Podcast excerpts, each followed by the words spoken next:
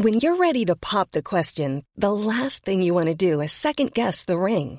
At Bluenile.com, you can design a one of a kind ring with the ease and convenience of shopping online. Choose your diamond and setting. When you find the one, you'll get it delivered right to your door. Go to Bluenile.com and use promo code LISTEN to get $50 off your purchase of $500 or more. That's code LISTEN at Bluenile.com for $50 off your purchase. Bluenile.com code LISTEN.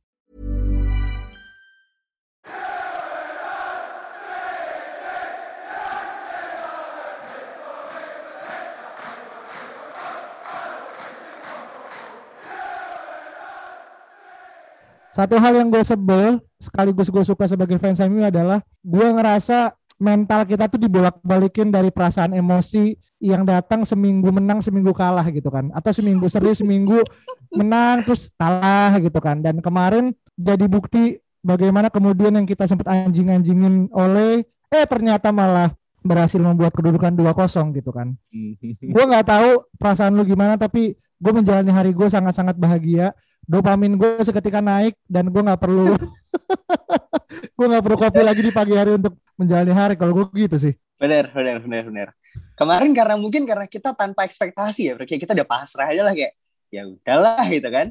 Selalu akhirnya di apa kita ditunjukkan suatu performa yang luar biasa melawan Manchester City gitu yang 21 pertandingan tidak kalah pasti kan bosen kan? Fan hmm. Manchester City kayak bukan. Menang terus gimana sih? Bukan gak, bukan gak kalah malah menang terus mereka. Menang terus, bukan menang terus kayak aneh banget. Kan. ini yang rugi bandar kayaknya sih. Sama pemain FPL kali yang pasang kapten pemain pemain Man City. Masuk kemarin kemarin sawung kan? Kemarin oleh ini bro. Oleh uh, apa namanya mengembalikan kondisi itu seperti semula lagi. Oh. walaupun jaraknya 11 poin tapi gue lihat uh, reaksi-reaksi fans-fans rival di Twitter kayak kayak banyak orang yang senang juga MU menang karena malas juga lihat City menang terus. Hmm, iya. Jadi ya good for both sides lah.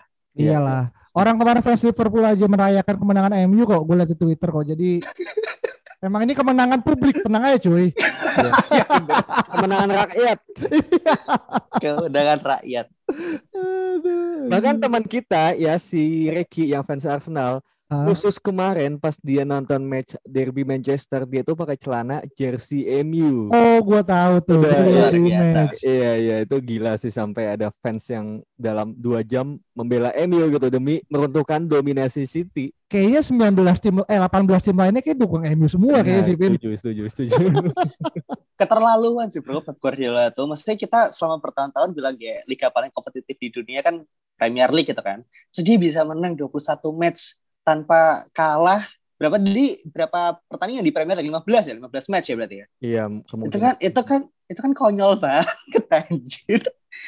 Winning run-nya gitu loh. Iya iya iya. Dan dan satu hal yang kemarin gue ini gue nonton sempat telat ya satu menit. Dan gue masuk tuh satu kosong cuy. Gue malah ketinggalan yeah. penaltinya Bruno. Bruno anjir kok bukannya kebalik? Saya gue merasa harusnya kan ini kejuburan dulu kan yang biasa kita terima gitu kan. Tapi ini kok tiba-tiba satu kosong duluan menit langsung kedua gitu kan. Terus ya gue ngerasa kayak ya semoga tuh jadi positif. Eh ternyata beneran sampai akhir. Meskipun banyak ini ya trade-trade yang hampir kena tiang lah gapsus yang nabrak tiang lah.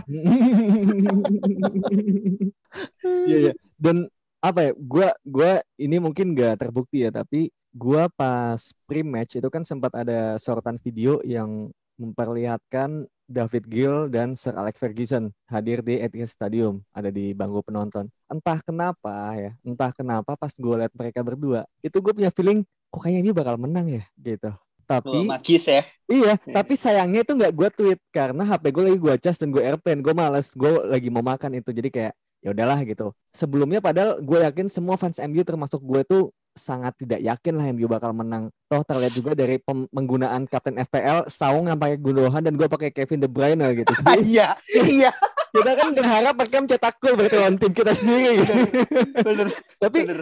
tapi saat beberapa menit sebelum pertandingan gue malah punya feeling kok kayaknya MU menang ya vibe-nya beda gitu ketika gue ngeliat duo apa duo legenda itu hadir di uh, Etihad Stadium gitu dan ternyata baru menit ke satu ya jujunya itu langsung dapat gitu Yesus cuy yang ngasih malah Tuhan Iya. Gila, itu yang ngasih striker ke striker loh. Striker nge-dive, ngejatuhin striker gitu kan. Hmm. Kan biasanya back ngejatuhin striker. Kan ini agak lucu kemarin nomor 9 ngejatuhin nomor 9 lainnya. Betul. Dia Jesus kocak sih kemarin. Hmm. Dia terlalu agresif sih menurut gua kayak itu dia kan dikelilingi sama beberapa pemain City ya dan dia nggak perlu ada di situ harusnya. Dan kemarin gue melihat Mas Rizal jadi bener jadi Martial kemarin Joy. iya iya iya iya. Bagus loh mainnya. Walaupun ya walaupun ada satu peluang yang ah. kita tahu ya kan, tapi to be fair uh, build up play-nya dia bagus banget, Bro. Hmm, hmm. Dia bisa oh. dia bisa beneran dari tengah ke depan itu uh, link up-nya dengan pemain lain pun juga oke okay gitu loh dan dan apa kredit juga buat Martial kan oleh pun juga bilang kayak this is Anthony of old gitu. Hmm. Good for him lah. Hmm, iya, iya. Meskipun pas kemarin dia nggak nggak apa nggak golin di udah one by one, main Twitter biasalah. iya iya. Cuma gini ya, apa namanya kita kan udah sering melihat sebenarnya permainan Martial yang build up-nya bagus, terus bisa turun ke bawah, jadi sebuah apa ya tembok gitulah. Terus nanti dia oper ke pemain lain atau dia balik badan, terus oper ke Cavani kayak di match uh, Carabao Cup lawan Everton ya kan yang Cavani cetak gol di menit 80-an. Tapi itu kan kita udah sering lihat gitu di musim ini. Yang kita miss dari Martial adalah ya finishingnya itu gitu. Itu kan sebenarnya yes. PR dia di musim ini gitu, bukan cuma a whole apa build up play doang, tapi mm-hmm. finishingnya yang sebenarnya itu tuh peluangnya 80% gol loh. 80% itu tuh gede banget gitu bingung lah gitu kenapa nendangnya ke situ ya gitu dan ini Bener. tuh banyak match yang kayak gini. Lawan West Ham di FA Cup ada lawan Leeds ada lawan banyak. Kalau misalnya kalian ingat tuh banyak match-match termasuk lawan PSG yang cost us the apa namanya knockout stage gitu kan. Hmm. itulah maksud gue gue meskipun bagus gitu tapi nggak gue gue memilih untuk tidak mau terlalu uh, hype aja gitu. Ya ini udah biasa gitu udah harusnya begini gitu nah malah finishingnya yang belum gitu menurut gue sih gitu menurut gue kredit tetap dilakukan tapi as in striker nomor 9 ya kalau kita ngomongin dia uh, memegang apa namanya nomor yang cukup sakral di MU menurut gue sih kita berhak untuk ekspektasi lebih ke dia gitu Vin iya, karena iya. kemarin tuh benar open chance-nya itu benar-benar menurut gue 80% tadi kalau nggak salah Salong bilang itu harusnya gol gitu kan dia iya. even uh, sontak ke atas aja itu menurut gue gol karena uh, uh, siapa sih Ederson udah jatuh ke bawah gitu. Mm -hmm.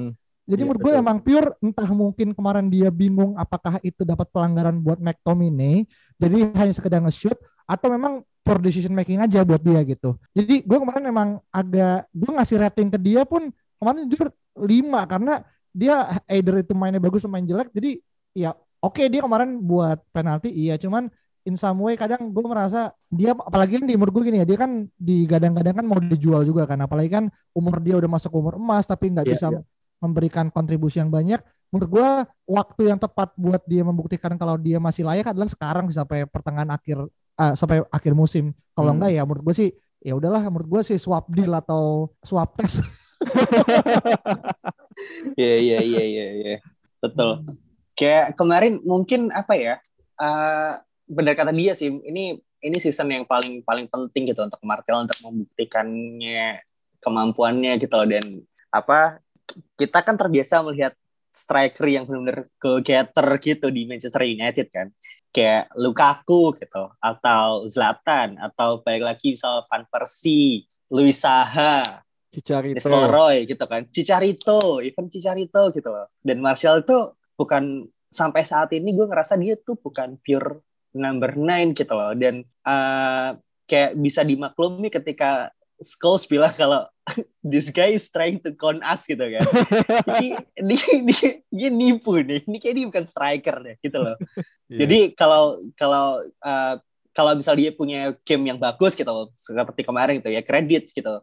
Tapi kita akan apa ya bisa menilainya di akhir musim gitu karena karena di bursa transfer ini kan. Ini ada striker yang kita semua inginkan ya kan. Andre Silva ya, ya? kan? Ini ini bar ini yang komis bro. membicarakan dia nih membicarakan mimpi basah buat MU kayaknya buat fans MU ya iya. Iya nah, iya makanya.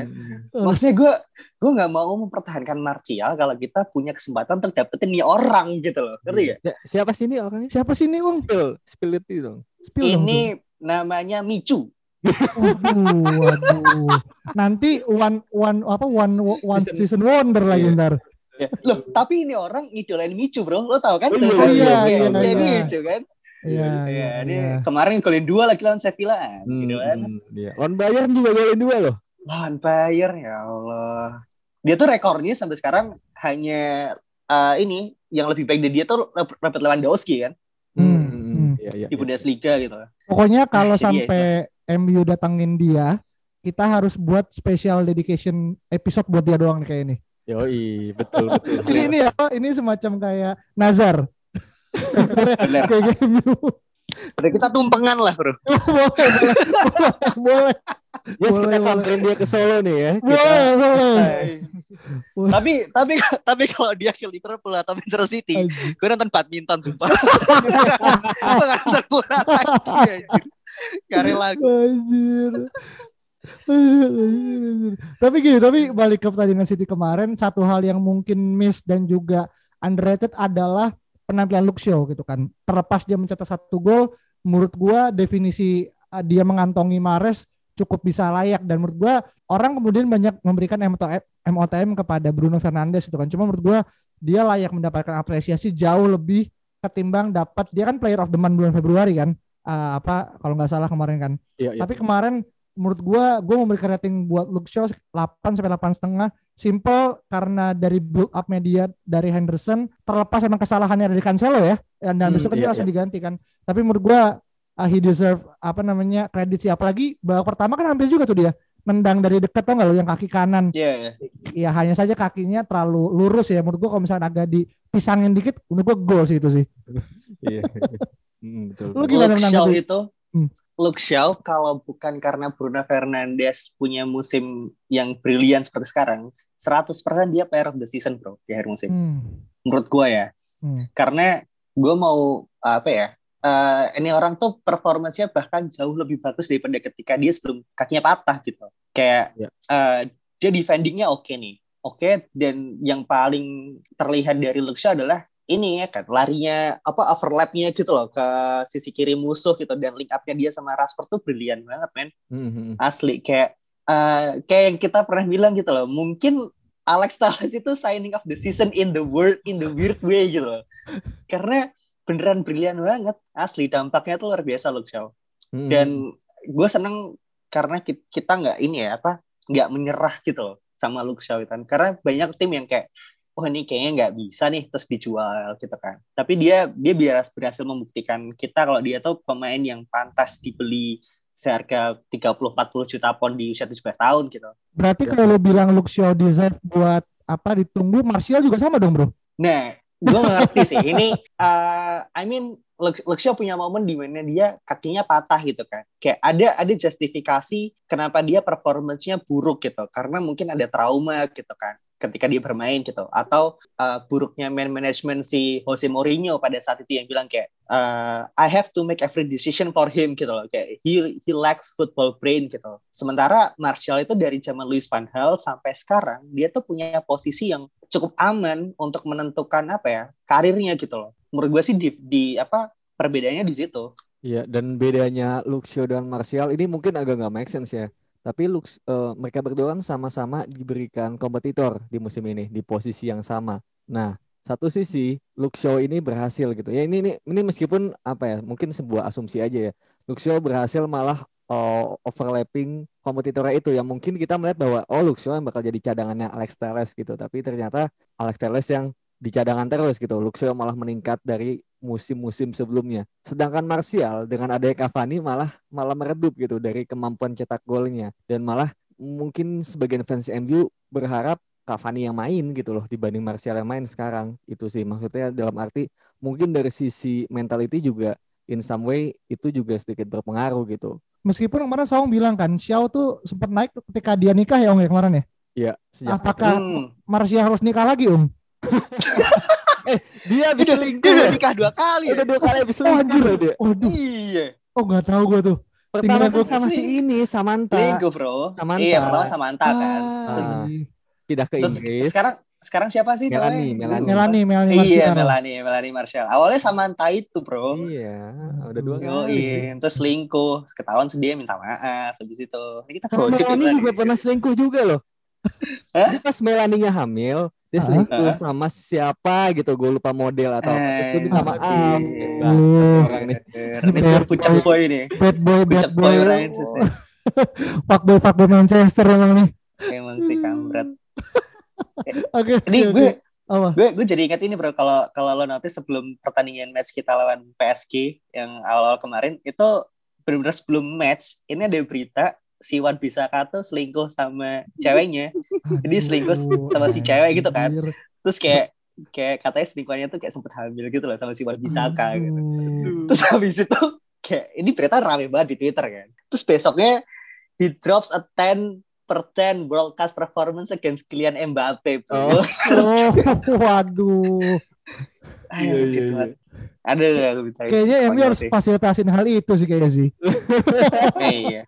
Jangan-jangan Emang DG nih- pun nanti pas balik dari uh, anaknya yang lahiran juga balik ke format topnya. Kita nggak tahu kan Iya. mungkin emang Ah, iya. Dikasih- bisa sih. dikasih sabatikal berapa minggu? 6 minggu ya sama sama Ole. Iya. Iya iya. Tapi ngomongin David De Gea nih ya kan eh, kemarin juga kita lihat penggantinya yaitu Dean Henderson bermain baik, sangat baik, yang juga ber apa ya ada andil untuk golnya Luxio gitu. Dia kan sempat ngehold bola beberapa detik tuh lama kan cukup lama dia ke kiri kanan kiri kanan. Pada Hmm. akhirnya dia lempar ke Luxio jauh ke kiri. Itu mungkin sebuah hal yang jarang kita lihat ya kalau misalnya kipernya De Gea. Nah itu menurut eh, lu gimana eh, Dias dengan Henderson sekarang? Kemarin sih Henderson menunjukkan bahwasannya dia emang bener-bener niat ya untuk challenging number one goalkeeper di MU. Maksud gini, dia bukan tipe kiper yang kemudian apa sit still apa look pretty yang kayak lu lihat Ligren ataupun Romero yang dia um, apa eh, apa nyaman dengan status quo sebagai kiper nomor dua menurut gua ambisinya Dean tuh emang bener-bener uh, menurut gua in the peak moment gitu. Karena kenapa? Karena dia emang sebenarnya kan gol besar emang mengincar number one kiper di England gitu kan. Iya, jadi jadi menurut Hmm. gua kalau misalnya kita ngomongin sama Romero menurut gua dia masih apa still the spot untuk Argentina nomor nomor satu ya terlepas dia nomor dua di MU tapi menurut gua dia masih nomor satu. Nah, masalahnya di di kiper di Inggris banyak banget ini ya kan apa pesaingnya ada Jordan Pickford, terus juga ada siapa lagi tuh Nick Pope. Eh, Nick Pope, terus juga eh, kiper Aston Villa Inggris bukan sih si Oh, namanya? bukan bukan Oh bukan ya? Bukan, Oh, Oke. Mungkin Iya, Cam Johnston kali ya. Oh iya Sam Johnston juga gitu kan. Jadi menurut gua dia menurut gua dia masuk akal banget ketika dia pengen menunjukkan dan menurut gua sih apa he paid back apa the trust buat Ole sih. Jadi menurut gua kalaupun nanti De Gea balik, menurut gua kita nggak kehilangan-kehilangan banget kok. Terlepas tadi pagi gue cukup kaget ada berita yang bilang Emi bakal ngincar another goalkeeper Mm. untuk terlepas nanti Henderson bakalan stay atau enggak menurut gua itu kayak sih rumor burung doang ya tapi gue merasa at least sampai sampai De Gea balik dan dia bisa performance performing cukup baik tanpa mungkin clean sheet juga menurut gua nggak ada alasan kita harus takut atau mungkin kita bisa save uang buat beli pembelian pemain lainnya sih Hmm. menurut gua gitu Tapi eh, lo sendiri setuju gak dengan ada kemarin ada rumor juga kalau PSG ngincer De Gea bro musim panas ini? gua pribadi merasa that's gua nggak ada masalah sih terutama ya karena gua ngerasa gini uh, kiper di MU uh, cukup memiliki apa ya kualitas yang ya gua nggak tahu ya baik ataupun bagus banget tapi menurut gua Henderson menunjukkan gitu kan. Toh kalau misalkan nanti kita bakal buat sesi sendiri untuk apa play apa player of the youth uh, gue sebenarnya pengen uh, mention ada beberapa kiper MU yang muda juga yang menurut gue potensial juga buat uh, nextnya apa nextnya Henderson gitu yang mungkin orang jangan jarang lihat atau jarang mention. Tapi menurut gua kalaupun Gea pindah menurut gua malah bagus. Kenapa? Ya karena uh, gajinya dia kan terlalu tinggi ya di menurut gua 375 uh, pounds per pekan. Paling tinggi. paling Iya, tinggi. paling- bahkan Hmm. Pogba kalah gitu kan. Jadi menurut gua dengan dia pindah sebenarnya memang ada loss buat MU iya. Karena kan dia juga sosok ya. Maksudnya ketika kita ngomongin uh, pemain menurut gua Gea salah satu uh, apa brand icon yang sama besarnya kayak Rashford sama Pogba gitu. Karena dia salah satu dia salah satu pemain yang cukup senior. Bahkan dari zaman Fergie udah masih ada gitu kan. Jadi ya kita kehilangan. Tapi menurut gua in terms of uh, players gua ngerasa kalau itu nggak ada terlalu ini sih gitu menurut gua pribadi lu Hmm. gimana Vin? Ya gua gua apa ya? Gua sebenarnya masih belum bisa menjawab sih. Mak- Maksudnya kita bakal ada sesi lagi mungkin ya sendiri Hmm. untuk membahas kita lebih pilih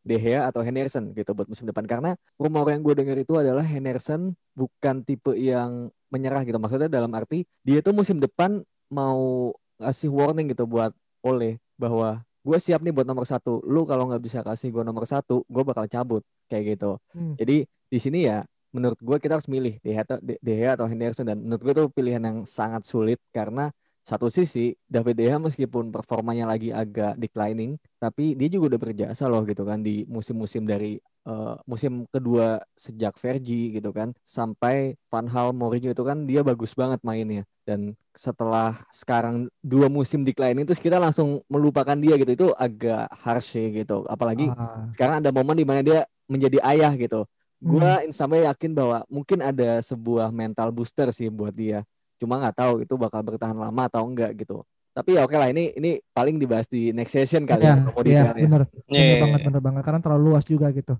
oke okay, uh, kita mencoba untuk nggak mau terlalu besar kepala dengan MU ya dengan kemenangan kemarin karena another Red Devils apa uh, wait us gitu kan yang mana uh, hari uh, Jumat ini hari kita bakal ketemu bukan bakal menjamu apa setan merah dari Itali AS Ro eh AS Roma lagi AC Milan anjir uh, di Old Trafford gitu kan dengan Oh di OT dulu ya? Di Old Trafford dulu kan hmm. besok kan? Iya di Old Trafford dulu. Mm -hmm. hmm. Dengan beberapa pemain uh, bakalan out ini berdasarkan dari ini ya apa uh, press conference oleh gitu kan. Let's say ada Rashford terus juga Van de Beek gue nggak tahu Van de Beek gue inilah apa angkat tangan kalau dia uh, dan juga siapa lagi bro tadi yang nggak available lagi Dehea bener ya Dehea pasti sih. Tuan Mata, Pogba. Tuan Mata, Pogba iya kayak gitu.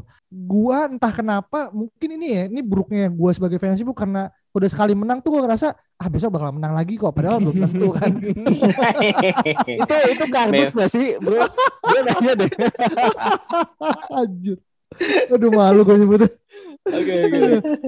Gimana lu lu dulu ya? Gua gua gak mau terlalu kelihatan banget kardusnya. Uh, gimana ya?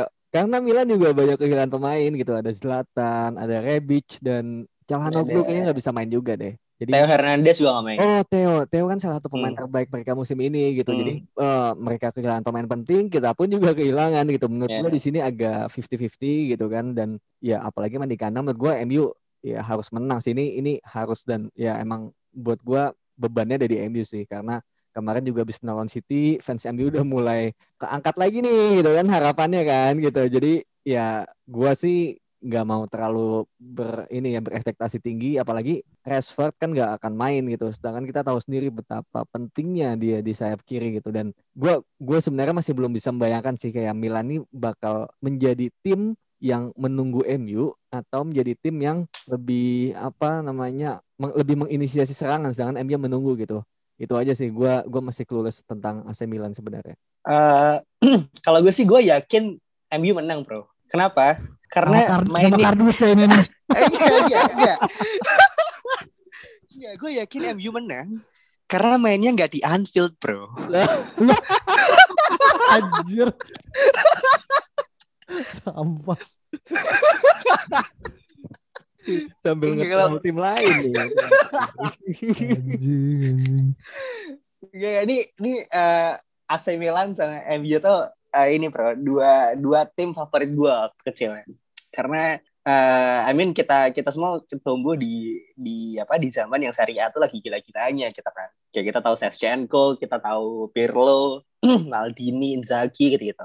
Dan I think gue justru bersyukur ketemu ketemu AC Milan karena kita di udah di Europa League ini bro hmm. maksudnya kayak masa ketemu Sparta Praha gitu kan kayak, maksudnya sekalian aja lah gitu loh jadi uh, gue sih mem membuat ekspektasi gue sama kayak City kemarin no, no expectation aja gitu loh. Karena kalau gue berharap menang kayaknya kok nggak yakin gitu ya. Karena karena Milan juga lagi oke okay, gitu jadi kayak iya, iya. no expectation aja lah kayak ini this is uh, two big teams gitu kan akhirnya ketemu setelah beberapa musim gitu. I think we're in for a treat lah. Oke. Okay. gitu yang mana sebenarnya besok ada ini bro dua Espen ada Frank Casey Espen saja penalti melawan Fernandes Espen juga nih besok. Iya benar juga. Mungkin skornya bakal 5-4 kayak sih. 5 penalti Bruno, 4 penalti Casey kayak sih besok gua. aduh. Aduh, aduh, aduh, aduh, aduh. Iya, iya. penalti sih emang. Aduh. Pokoknya kan ada sempat sempat ada tuh gini bro, uh, MU itu nanti bangkit ketika AC Milan bangkit, ngerti gak? dua, dua tim ini kayak ada ada ada romantismenya gitu loh. Jadi gue harap apa ya besok sih MU yang bangkit duluan sih dan skornya menang banyak kayak at least kayak uh, Bruno Fernandes ya trik penalti gue juga gak masalah gitu. karena karena lawannya juga penalti juga kan. bener bener. Wah iya penalti juga. Jadi kalau fans bilang marah-marah ya ya udahlah lo nggak usah ngat udah lo kayak ini gak tahu sih meme Spider-Man yang tunjukkan gitu loh. Iya iya iya. Iya. Udah udah udah udah. Nah, uh, besok kan ya main di Old Trafford gitu kan. Um, gue setelah semalam ya gue nonton Juve sama Porto. Menurut gue memang kadang main di home duluan tuh ya ada baiknya tapi ada seremnya juga sih karena takutnya kan kayak dengan lu main di home kan beban lu lebih tinggi karena di awal kan hmm, lu nggak bisa iya. ngebaca pola lu juga MU sama Milan juga last matchnya kapan sih kita terakhir ketemu gue ingetnya bahkan terakhir ketemu tuh pas lau pas zaman kakak yang Evra sama Henze tuh guling-gulingan pungdak lu masih inget gak dulu yang yeah, di San yeah, Siro yeah. Itu hmm. terakhir kali gue inget MU lawan Milan gitu kan. Tapi selepas itu kita kan nggak punya sejarah ada cuy, ada. Apa tuh? Pas kapan? Terakhir kali ini ada David Beckham gak sih? Iya, yang Beckham. Oh, iya iya iya itu. Itu MU yang lolos. Karena di itu... Old Trafford menang 4-0. Oh, oke oke oke oke oke oke. Itu Beckham nangis tuh. Iya, iya. Aduh. Oh, itu jangan Beckham sama Ronaldinho ya? Betul. Ronaldinho yeah. golin satu. I see. Kiri kanan ya. Kirinya Samba, kanannya umpan ya umpan itu kalau kalau itu di di kompetitif match ya tapi sebelumnya pernah ketemu juga di ICC bro. Oh, pramusim. Skornya lima empat. Nah, itu ah, kan? Kayak gue prediksi itu lima empat. Tapi karena uh, adu penalti kan sebelumnya dua dua. Ah, yang ngegolin ah, bener kebaca dong yang ngegolin Marcus Rashford dan Jesse Lingard bro. Oh. Milan Suso dan Lindelof on goal. Oh. 2019, 2019. I see. ICC. Hmm, iya iya iya. Itu ya, yang juara bisa lah. Itu yang juara Benfica bukan sih itu? banget. Aduh gak lupa lagi ICC tuh. Bener banget. Aja yang juara bukan itu Benfica kayak bener ada tahun itu kayak orang terakhir okay. ICC kan 20, 20 kan enggak ada ICC kan? 20 kan Covid kan? Iya makanya oh, iya kayak oh. itu kayak bener juara Benfica gue banget tuh kayak out of nowhere di juara ya tiba-tiba ngangkat trofi di akhir. Oke oke oke. Oke. terakhir terkait line up, lu prediksi apakah bakal menggunakan uh, yang sama kayak City dengan Fred Tomine sebagai uh, jangkar dan tengah atau ada perubahan yang kemudian oleh coba masukkan menggunakan 352 mungkin atau kemarin gue denger tuh ada temen gue bilang kenapa nggak 4132 hmm iya iya lu gimana hmm. kalau gua MU musim ini gitu. Kayaknya menurut gua Oleh udah nggak akan otak-atik formasi sih. Apalagi lawan Liverpool yang gue sempat prediksi bakal bermain 3-5-2, ternyata dia tetap bertahan dengan 4-2-3-1, mengorbankan sayapnya itu dihabisin gitu loh sama Salah dan Mane. Tapi MU bakal kuat di tengah gitu, di tengah dan di center back itu.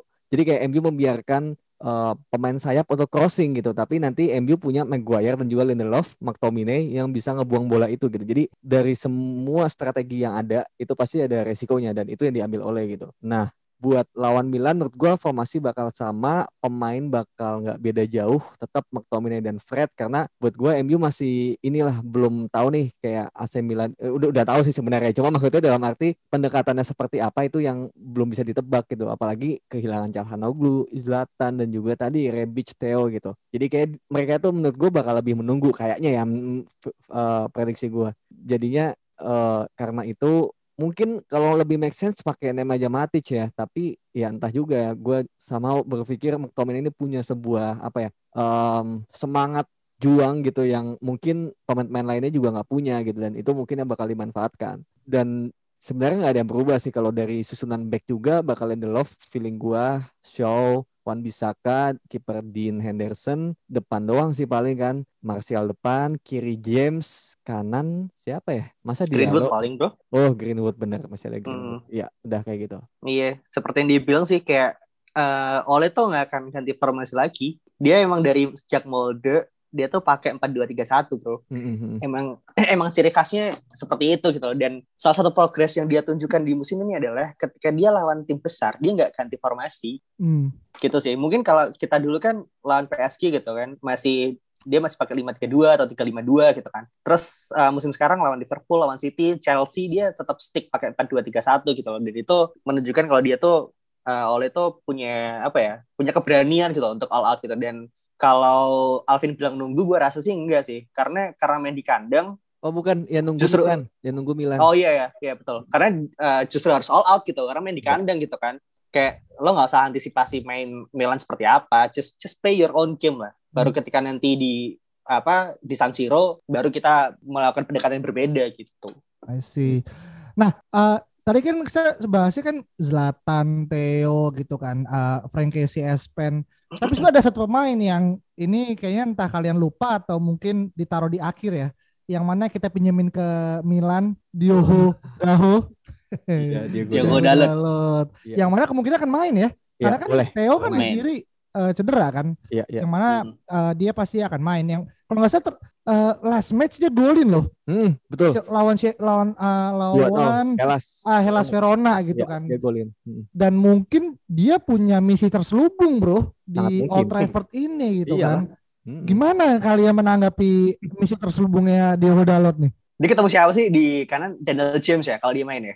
Eh, dia dia main di Atau- mana? Kiri ya, berarti kanan Kiri. kiri. R, R. R- kiri ya? Iya. Kiri. Greenwood ya, ketemu Iya. Greenwood ya. Greenwood. Hmm.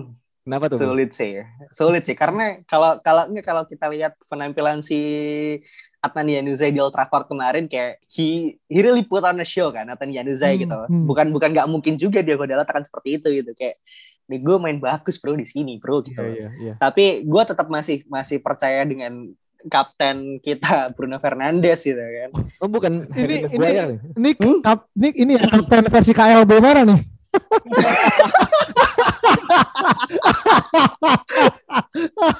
Itu kaptennya nggak dikudeta kan?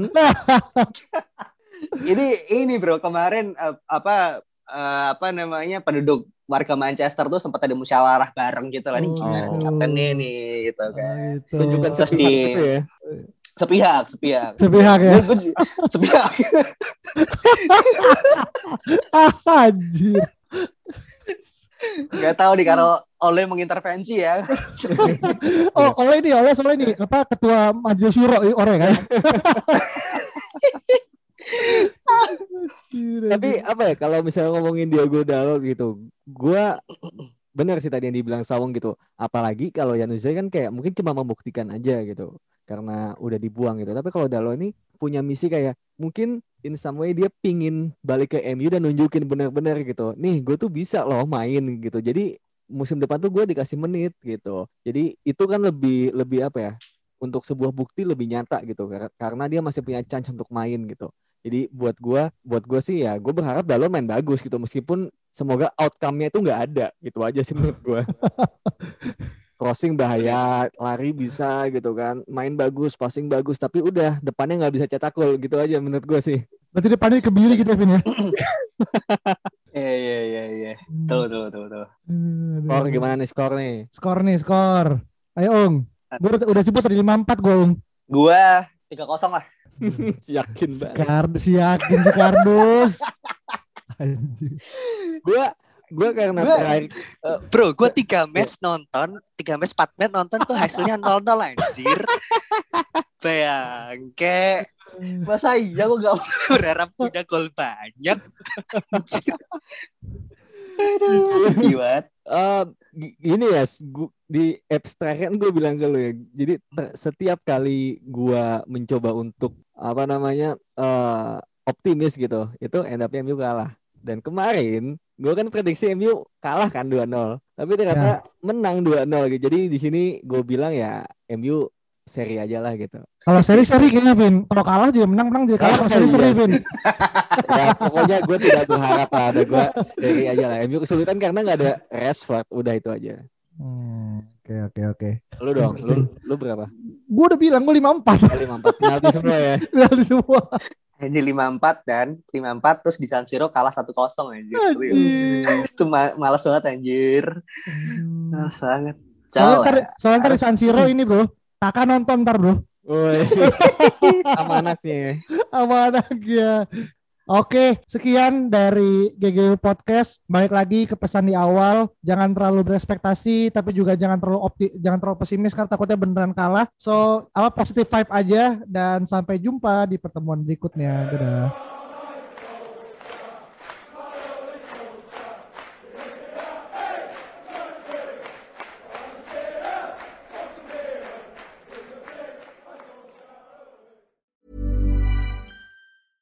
Hey, it's Paige DeSorbo from Giggly Squad. High quality fashion without the price tag. Say hello to Quince. I'm snagging high-end essentials like cozy cashmere sweaters, sleek leather jackets, fine jewelry, and so much more. With Quince being 50 to 80% less than similar brands. And they partner with factories that prioritize safe, ethical, and responsible manufacturing. I love that. Luxury quality within reach. Go to quince.com slash style to get free shipping and 365 day returns on your next order. Quince.com slash style.